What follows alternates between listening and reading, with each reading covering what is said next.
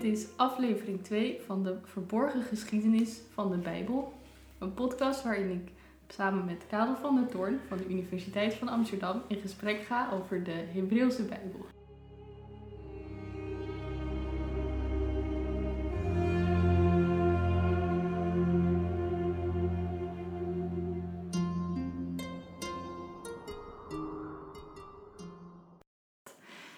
Eens gehoord dat de Bijbel het best verkochte boek ter wereld is. Ik weet niet of dat waar is, maar eh, bestsellers worden soms ook slecht gelezen. Als de Bijbel zo speciaal is, dan moet de inhoud wel heel bijzonder zijn. Maar om eerlijk te zijn, ik ken de inhoud van die Bijbel niet zo goed.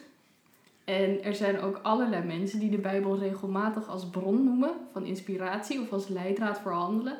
Maar zij blijken ook vaak slecht op de hoogte. Is dat niet gek? Nou ja, ja dat is een, een, misschien een beetje gek, maar uh, ja, de Bijbel is een heilig boek. Hè? En, uh, dus het is een beetje een oneerlijke concurrentie met andere boeken als je zegt het is een bestseller. De Koran is er waarschijnlijk ook een bestseller. En uh, er zouden best nog meer Korans verkocht kunnen zijn dan Bijbels. Dat weet ik niet. Ehm, het is een heilig boek. Uh, zowel voor Joden als voor christenen. Uh, christenen die je dus het Oude Testament noemen. Mm -hmm. Ik spreek liever over de Hebreeuwse Bijbel. Um, en dat betekent dat het uh, een religieus belangrijk boek is. Dus allerlei mensen die voor wie christendom of jodendom belangrijk is, zullen zich beroepen op de Bijbel. Dat betekent niet automatisch dat ze nou heel goed weten wat er in de Bijbel staat. Het is ook een beetje een symbool. Ja. En de Bijbel is, is, is een boek maar uh, bijvoorbeeld als je nou naar zo'n presidentsceremonie kijkt, hè, de beëdiging van de Amerikaanse president, dat is normaal met de hand op de Bijbel, heel duidelijk op de Bijbel. Uh, president zwaait soms met de Bijbel. Nou, je maakt mij niet wijs dat hij heel goed weet wat erin staat, maar het is, het is vooral het symbool van, ja, de Bijbel staat voor God eigenlijk. Ja, nou, laten we dan eens naar de inhoud. Ja, dat is veel, veel interessanter. Ook als je niet gelooft, is namelijk die inhoud van de Bijbel wel heel interessant. Hoe zat het ook weer met de indeling? Ja, uh, Hebreeuwse Bijbel volgen we. Hè. Dat is, uh, het is niet alleen een kwestie van Oude Testament of Hebreeuwse Bijbel, maar als je zegt Hebreeuwse Bijbel, heb je het ook over de indeling van de Hebreeuwse Bijbel. De Tenach, weet je wel, dat mm -hmm. was de afkorting die uh, Joden daarvoor gebruikten. Dus Tenach, de T voor Torah, dat is het eerste deel. Daar gaan we het vandaag over hebben, denk ik. De Torah, het eerste deel, de eerste vijf boeken van de Bijbel. Mm -hmm. Dan heb je de, uh, de N van de Nevi'im, dat zijn de profeten. Nevi'im is het Hebreeuwse woord voor profeet. En dat zijn dan zowel bepaalde historische boeken als Joshua, rechters, Samuelboeken, koningenboeken, maar ook de profeten zoals, ja, zoals wel, wat wij denken eigenlijk bij profeten, zoals Jezaja, Micha en allemaal dat soort lieden. En tenslotte heb je dan uh, de Ketuvim, dat is de K, de Tenach. Het wordt als een zachte K uitgesproken aan het eind van het woord uh, Tenach. Maar het klinkt dus als een G, maar dat staat eigenlijk voor een K. En dat is een afkorting voor Ketuvim. En Ketuvim betekent geschriften en dat zijn eigenlijk alles wat niet, alles wat niet in uh, de Torah, in de wet en alles wat niet in de profeten staat, is in de Ketuvim terechtgekomen. Voor zover het volgens degene die die verzameling tenslotte maakte, heilige boeken waren natuurlijk. Ja. ja. Nou, laten we beginnen bij de Torah. Ja, Torah, we beginnen bij het begin. Dus uh, dat is de Torah. Uh, vijf boeken. Mm -hmm. Genesis, dat is eigenlijk een boek, ik denk dat iedereen kent de naam Genesis. Uh, Exodus, denk ik, is ook een bekende titel. Ja, die ken ik wel. En dan krijgen we twee boeken waar niet zo heel veel mensen van hebben gehoord. Leviticus en Numeri. Dat klinkt ook niet, niet erg spannend, eerlijk gezegd. Numeri betekent nummers. En Leviticus? Leviticus, dat is genoemd naar Levi. Dus dat is, het gaat over de Levieten. En de Levieten, dat waren de, waren de priesters in Israël. Dat is een stam, of in ieder geval een groepering in Israël, die zich uh, afleidde. Die meende dat Levi hun voorvader was. En die uh, hadden het ambt van priester. Dus daar is dat naar genoemd. Mm -hmm. En tenslotte heb je uh, Deuteronomium. Ik weet niet of die naam nou heel bekend zal zijn. De, dat is eigenlijk, betekent letterlijk de tweede wet. Deutero, tweede. En nomium is van nomos, Griekse woord voor wet. Ja, en uh, Genesis lijkt me gaan over ontstaan. Ja, dat heb je helemaal goed gezien. nee, dat is ook logisch natuurlijk. Je denkt dan genetisch en dat soort dingen. Uh, dus dat is nou het Griekse woord voor ontstaan. En uh, ja, daar staan ook een paar van de allerbekendste Bijbelverhalen, vertellingen in. Uh, het ontstaan van de wereld, de schepping van de mensen. Je hebt in feite twee scheppingsverhalen in Genesis. Dus je hebt het verhaal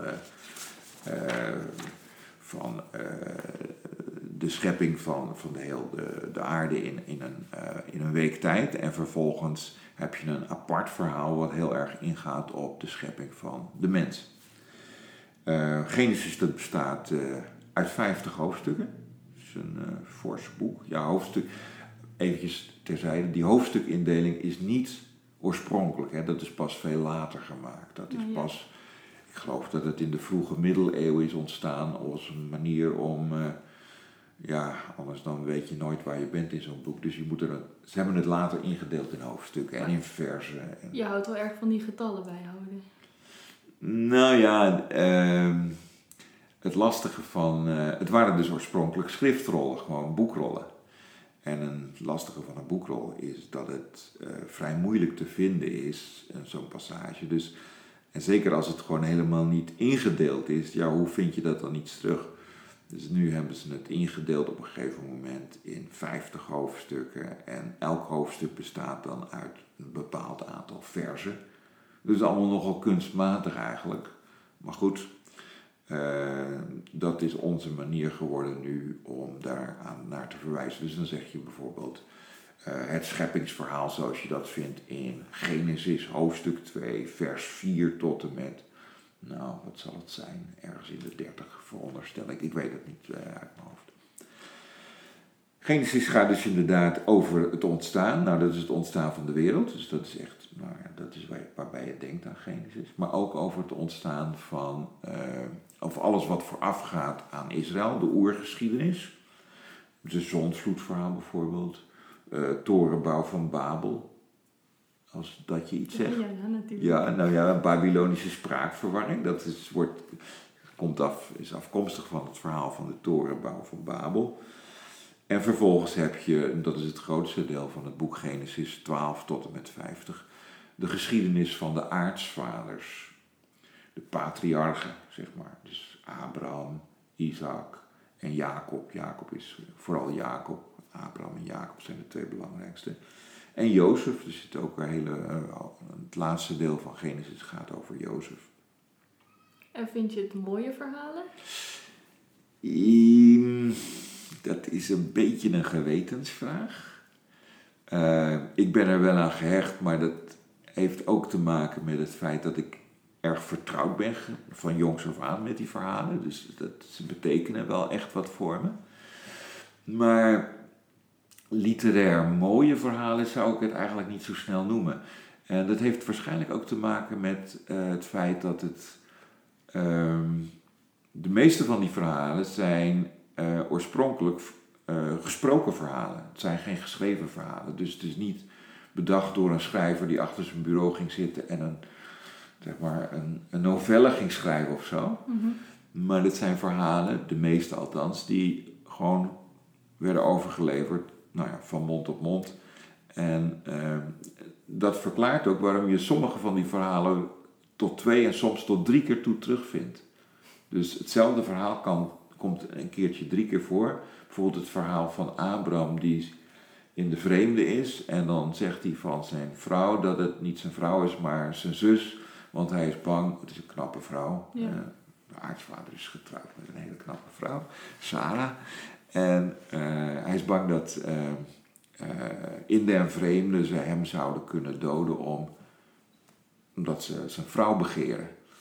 Dus hij zegt, het is zijn zus. En nou, dat komt dan later uit, want dan gaat zo'n vreemde ma- machthebber denkt, nou zus, oké, dan kan ik mijn gang gaan. En dat wordt dan later gestraft. Dat is een verhaal dat komt tot drie keer toe voor in, in Genesis. Twee keer met Abraham en één keer met Isaac. En wat je daaruit kunt afleiden is van dat is dus gewoon verteld. En op een gegeven moment wisten ze niet meer precies hoe het zat. Dus hebben ze de drie versies die in omloop waren, alle drie maar opgeschreven. Voor de zekerheid. Ja, voor de zekerheid. En is het mogelijk om vast te stellen hoe oud die verhalen zijn? Mm, soms kun je, eh, word je een beetje geholpen inderdaad om dat, om dat eh, vast te stellen. Bijvoorbeeld, ehm, wat je heel regelmatig vindt, is dat die aartsvaders, dat die patriarchen zoals Abraham en Isaac, die reizen rond. Die hebben geen vaste verblijfplaats, maar reizen rond in het land eh, Israël. En op bepaalde plaatsen hebben ze dan openbaringen, God verschijnt aan ze en dan stichten ze een altaar. En eigenlijk staat dat altaar voor een heiligdom. Dus je weet dat in de tijd dat het verhaal is opgeschreven, er een heiligdom moet zijn geweest, waarvan de origine wordt herleid tot de aartsvaders. Dus dat is een indicatie over de tijd van opschrijven in ieder geval. Ehm, nou ja, daaruit kun je afleiden dat die verhalen moeten zijn opgeschreven, ja, laten we zeggen, ergens tussen 950 en 750 voor het begin van onze jaartelling. Ja. Naar het tweede boek? Het tweede boek, ja, Exodus. Eh, ja, want anders blijven we in, in Genesis hangen. Exodus, ehm, Dat is uittocht, toch? ja, dat is heel goed van je. Uittocht. Nee, de mensen, meeste mensen als ze Exodus horen, dan denken ze aan volksverhuizingen en zo. Wat, zo wordt het woord een beetje gebruikt. Maar het is uittocht. Dus letterlijk uittocht. Ex, uit, odos, tocht of weg. Dus de uittocht uit Egypte. Het idee is, Israël zijn tot slaven gemaakt. De Israëlieten zijn slaven geworden in Egypte. En eh, onder leiding van Mozes, want dat is dan de nieuwe held. Eh, Mozes die wordt door God geroepen en dat is dan Gods dienaar, de grote profeet, maar ook de priester en ook een, soort koning avant la lettre van de Israëlieten. Die voert zijn volk uit Egypte, de plagen van Egypte, de Egyptenaren worden eigenlijk gedwongen door God om het zover te laten komen dat ze deze arbeidskrachten, want de Israëlieten waren eigenlijk goedkope arbeidskrachten in Egypte, die worden, nou ja, eh, worden in vrijheid gesteld, ze mogen gaan. En wanneer vond die uittocht uit Egypte plaats? Ja, nou dat is, dan maak je het wel weer moeilijk. Ehm, dat, zeg maar, volgens de Bijbel vond die plaats zo rond, nou laten we zeggen, 1250 voor het begin van onze jaartelling. Dus als je gewoon de Bijbelse chronologie aanhoudt en je neemt gewoon aan dat het allemaal zo gebeurd is als de Bijbel zegt, dan zou je zo rond 1250 uitkomen. Ehm, de vraag is of het eh, eh, echt heeft plaatsgevonden, althans of het echt in die omvang heeft plaatsgevonden. Eh, eigenlijk zijn er geen geleerden meer die geloven dat dat echt zonder meer zo gebeurd is. Eh, ook omdat de verhalen die erover bestaan, die zijn nou op zijn vroegst 850 voor Christus op grond van literaire criteria en zo. Uittocht zou 1250 zijn. Hoeveel jaar is dat? 400 jaar zou er dan tussen hebben gezeten. Nou, het is moeilijk voor te stellen dat historische gebeurtenissen 400 jaar. Ja, dan, is, dan begint de geschiedenis een beetje fantasie te worden zonder echte historische bronnen. Het is wel, eh, het is een beetje zoiets, ja, ik vergelijk het wel eens voor mezelf met eh, het idee dat eh, alle Nederlanders eh, opkwamen voor de Joden in de Tweede Wereldoorlog. Dat heel Nederland uit goede vaderlanders bestond die tegen de Duitsers waren en die eh, opkwamen voor de Joden. Nou, de werkelijkheid is natuurlijk dat 90, 95 procent helemaal niks deed voor Joden. En in tegendeel gewoon aanzag dat dat gebeurde. Dus dat is, er, zit een, er zit in zo'n verhaal ook een mythisch element. En dat zit in Exodus ook. Dus sommige groeperingen moeten iets vergelijkbaars hebben meegemaakt. Je, het is ook niet zo dat je het uit je duim gaat zuigen. Dus er is wel zoiets gebeurd. Wanneer precies, of het gewoon ook verschillende ervaringen zijn die samengebald zijn in één verhaal. Dat zou heel goed kunnen. Hè? Dat is een soort, want het is een soort nationaal epos geworden voor Israël. Ja. En Dus het paasfeest, het Joodse paasfeest, dat, dat is een viering van de uittocht uit Egypte. Oh, dat wist ik niet. Nee, Dus- nou ja, dat is eh, grappig. Maar dat is inderdaad. Dus het is echt een. eh, we zeggen. eh, de uittocht uit Egypte is een soort evangelie van, van de Joden, om zo te zeggen. De goede boodschap van de Joden is: we zijn bevrijd door God uit Egypte en naar het land Israël gebracht. En om dat te vieren, die uittocht uit Egypte wordt elk jaar Pasen gevierd, het, Pesachfeest. En dat wordt met matzes gevierd. En die matzes, dat zijn, eh, zijn ongezuurde broden. En waarom zijn ze ongezuurd? Omdat ze niet de tijd hadden om zuurdesem toe te voegen. Want ze moesten in allerijl vluchten uit Egypte. Dat was het idee. Dus dat wordt elk jaar, staan de Joden daar opnieuw op een feestelijke manier bij stil. Ja, dus Exodus is niet zozeer een grote historische gebeurtenis, want dan, daar is het te onzeker voor. Klopt. Maar de uittocht uit Egypte is wel echt een centraal thema. Het is absoluut, precies, je zegt het goed. Het is het centrale thema geworden eh, in eh, het boek Exodus. En eigenlijk kun je zeggen, het is een centraal thema in heel de Hebreeuwse Bijbel. Want de profeten zullen vaak teruggrijpen op deze gebeurtenis als een, laten we zeggen, een eh, fundamentele gebeurtenis voor eh, Israël. En, moet ik er toch direct maar even bij zeggen, eh, het is ook verknoopt aan twee andere dingen. Dus je hebt de uittocht uit Egypte, maar dan krijg je de woestijntocht. Mhm. In principe was het de bedoeling, volgens de traditie, is ze zouden direct vanuit Egypte naar het beloofde land gaan. Hè? En het beloofde land is, ja, dat heet dan Canaan, waar de Canaan niet te wonen, maar dat is het huidige Israël. Dat is ook wel Palestina genoemd. Naar de Filistijnen. En Palestina en Filistijnen, dat is hetzelfde woord eigenlijk. Maar de Israëlieten waren ongehoorzaam of on- ondankbaar. In ieder geval voor straf moesten ze 40 jaar in de woestijn blijven. 40 jaar is de, de duur van één generatie volgens de Bijbel. Ja. Dus die generatie die ondankbaar was, die moest eerst uitsterven. Ah, Oh, die valt het beloofde land niet in. Zelfs Mozes is het beloofde land niet ingekomen. treurig. Ja, dat is heel treurig eigenlijk, ja. En, ehm, maar die woestijntocht, die, eh, die is wel een heel belangrijk thema ook weer geworden in de Bijbel. Want in de woestijn hebben ze de wet gekregen. Dus het eerste deel van de Bijbel noemen we de Torah, de wet. Mhm.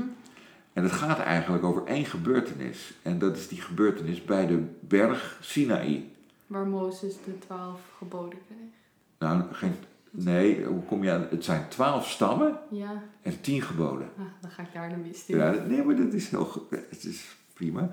Eh, dan heb ik tenminste ook nog wat uit te leggen. Dat is wel goed. Ehm, nee, dus je hebt de twaalf stammen van Israël eh, en je hebt de tien geboden van God. En, ehm, maar je hebt helemaal gelijk. Eh, Mozes bestijgt de berg Sinaï. Die ook wel Horeb wordt genoemd in andere overleveringen. Dus het is ook niet helemaal duidelijk waar die berg nou precies is. Mhm. Maar goed, eh, ergens in, in die woestijn tussen Egypte en, en Israël. En op die berg ontvangt Mozes dan eh, de twee tafelen van het verbond, zoals dat heet. Eh, verbond trouwens, dat is het woord weer waar eh, testament van afgeleid is, weet je wel? Oh, ja. Je herinnert je nog van de eerste, onze eerste aflevering dat eh, het woord testament eigenlijk een vertaling is van het Griekse woord, de Griekse vertaling weer voor verbond.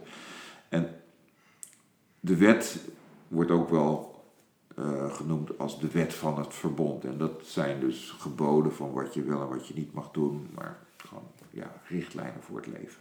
En dat is de Torah, dat is wel fundamenteel ook voor het Jodendom. Dus het is het volk van de wet. En ze, ze hebben ook een feest, dat noemen ze de vreugde van de wet. Dus eh, dat, is een, dat heeft hele positieve connotaties. Als wij het woord wet gebruiken, dan denken we eerder aan een soort insnoering van vrijheid. Maar Ja. voor hen heeft het iets heel positiefs. De wet is een weg ten leven, dat is het idee. Dus het is best een belangrijk boek. Heel belangrijk, heel belangrijk. Ehm, wat mij brengt onmiddellijk op een ander punt. Ja. Het is een, je hebt dus ook Deuteronomium. Ja. Eh, dat is de tweede wet. Of de wet nog een keer. Mhm. Dat is Eh, wat het betekent. Deutero, tweede keer. Nomium, wet. Dus de wet voor de tweede keer. Ehm, Gaat het dan nog steeds over Mozes en de wet? Ja, Deutero, kijk, we slaan nu eventjes Leviticus en Numeri over. Misschien hebben we nog tijd om daar iets over te zeggen. Maar dat, dat zijn eigenlijk voor een belangrijk deel tamelijk technische boeken. Mhm. Met eh, allerlei aanwijzingen hoe je de eh, offerdienst moet inrichten, rituele reinheid. Bijvoorbeeld ook de wetten over welke dieren rein en welke dieren onrein zijn. Dus wat je mag eten en wat je niet mag eten. Dus voor de Joodse wetgeving allemaal belangrijke boeken. Maar niet voor die christelijke. Nee, ik denk dat ze onder christenen niet zo populair zijn, eerlijk gezegd, die boeken. Er staan wel een paar mooie verhalen in. Ook. maar goed, daar moet je wel een beetje naar zoeken. Ehm, maar bijvoorbeeld het verhaal van het ezeltje van Biliam, het sprekende ezeltje. Ik weet niet of je er wel eens van gehoord hebt. Nou, dat is het verhaal van een buitenlandse profeet die iets moet doen en eh, die eh, God interveneert dan, die komt tussen beiden en eh, die man die reist met een ezeltje en dat ezeltje gaat dan praten tegen de profeet. ja, dat is, je moet er maar opkomen. Maar dat is het, e- het, het verhaal van het, de sprekende ezel van Biliam. Dat staat in het boek Numeri, in het vierde Bijbelboek. Maar wij moeten het hebben over Deuteronomium. Ja, dat is dus de wet voor de tweede keer. Ja, de wet, ja, dus het lijkt een beetje dubbel op. Is het dan niet vol herhalingen? Ja, dat zou je dus denken. En voor een deel is dat ook zo. Voor een deel zitten daar herhalingen in. Maar als je kijkt naar de, het hele taalgebruik van Deuteronomium, dan is het duidelijk later dan eh, Exodus. Althans, grote delen van Exodus. En eh, het heeft een paar dingen die je eigenlijk alleen in Deuteronomium vindt en niet in de wet zoals je die in Exodus vindt. Zoals? Het belangrijkste nieuwe van Deuteronomium is dat ze zeggen dat er maar één tempel mag zijn. Er mag maar één tempel zijn. Ehm, en nou zou jij misschien zeggen van nou, dat lijkt mij eigenlijk vrij vanzelfsprekend. Er is maar één God, dus er is maar één tempel. En ja, dat- die staat in Jeruzalem, hè, dus de tempel in Jeruzalem, dat is natuurlijk een begrip. Mhm.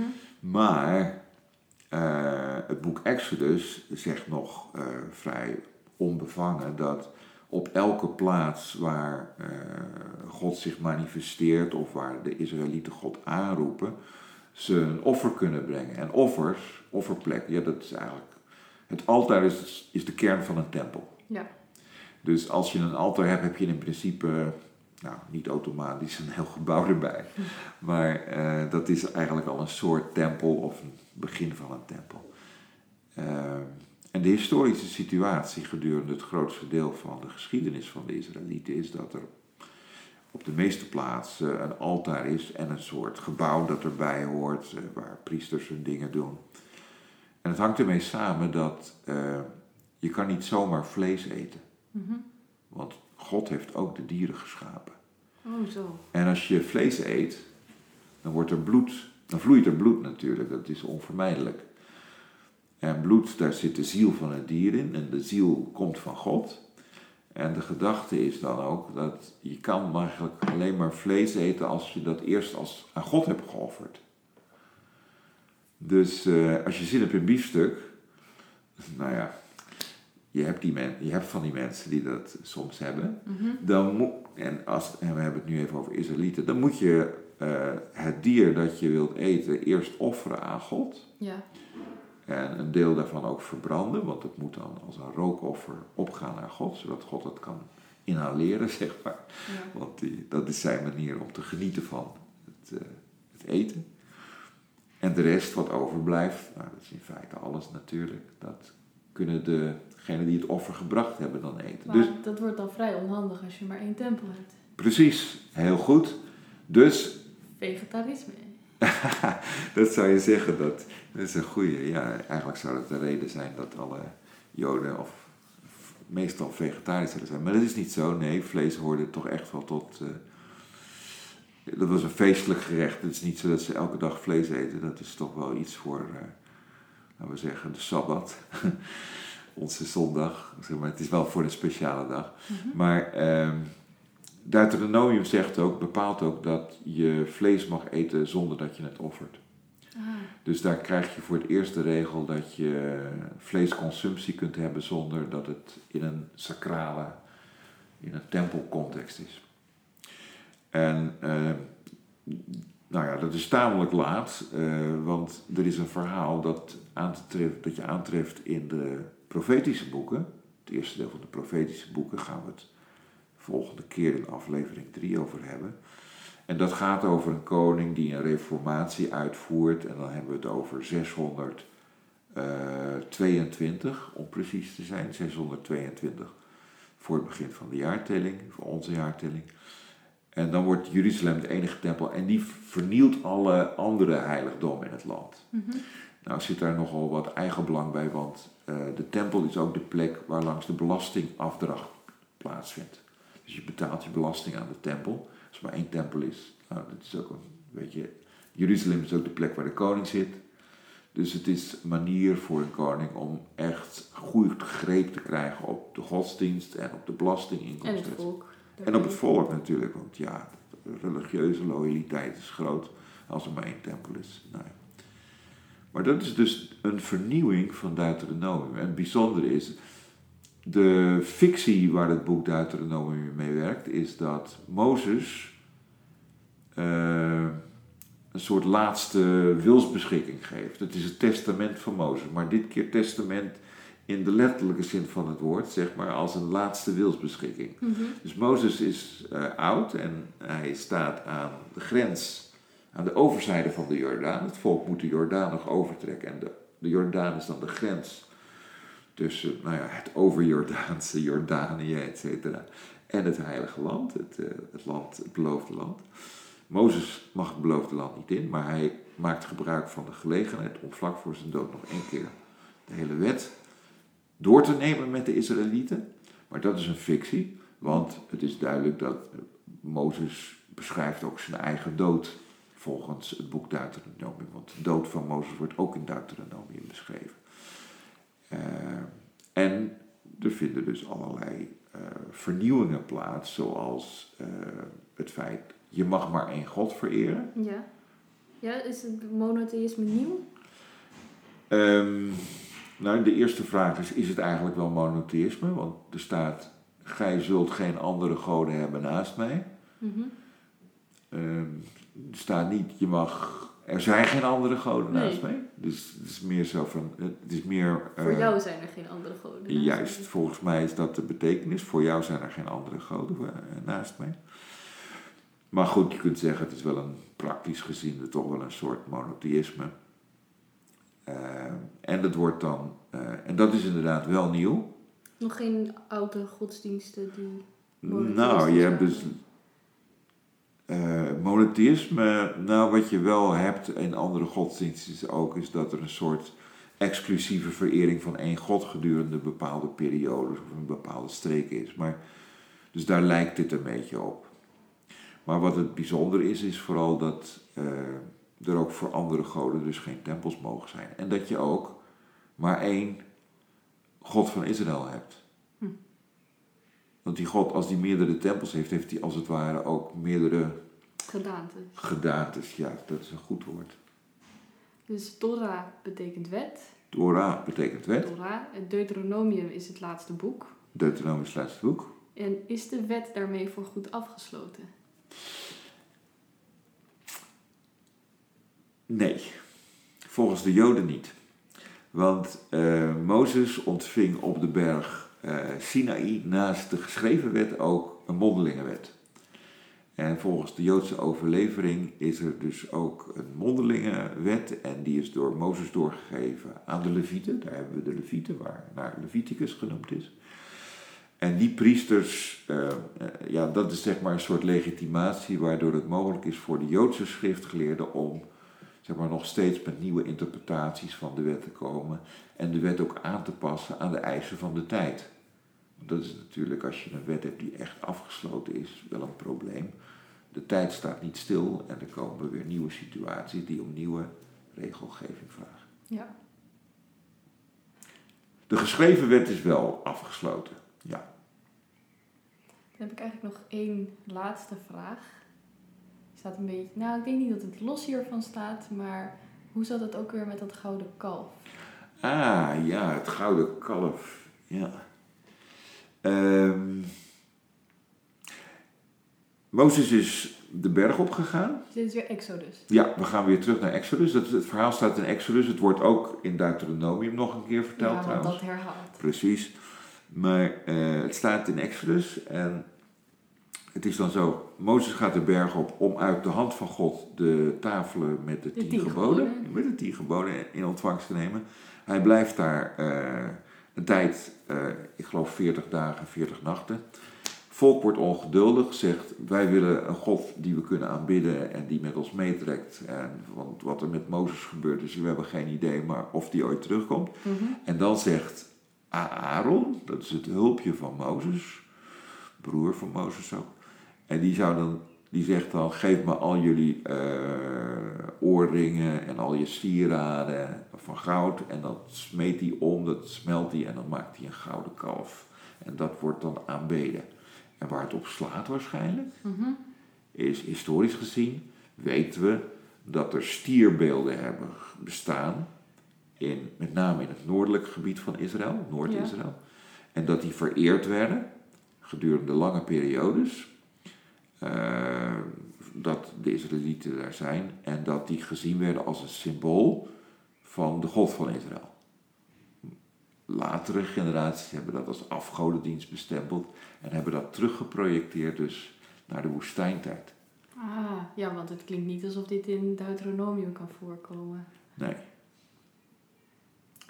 Dus eh, ja, dat laat ook wel zien hoe eh, gebeurtenissen die in feite helemaal losstaan van eh, de Exodus, even aangenomen dat dat in grote lijnen historisch zou zijn, toch daarmee verbonden zijn geraakt in de traditie. En dat betekent ook dat die boeken, dat geldt eigenlijk voor al de vijf boeken, nou misschien niet voor Deuteronomium, dat, dat lijkt bijna in één keer geschreven, maar eh, de eerste vier boeken die zijn duidelijk gelaagd, dus daar heb je gedeelten in die ouder zijn en die jonger zijn, etc. Nou, dat zullen we zeker ook nog weer tegen gaan komen in eh, de profeten, maar dat is voor de volgende keer. Nou, dankjewel Karel. Ik kijk uit naar de profeten.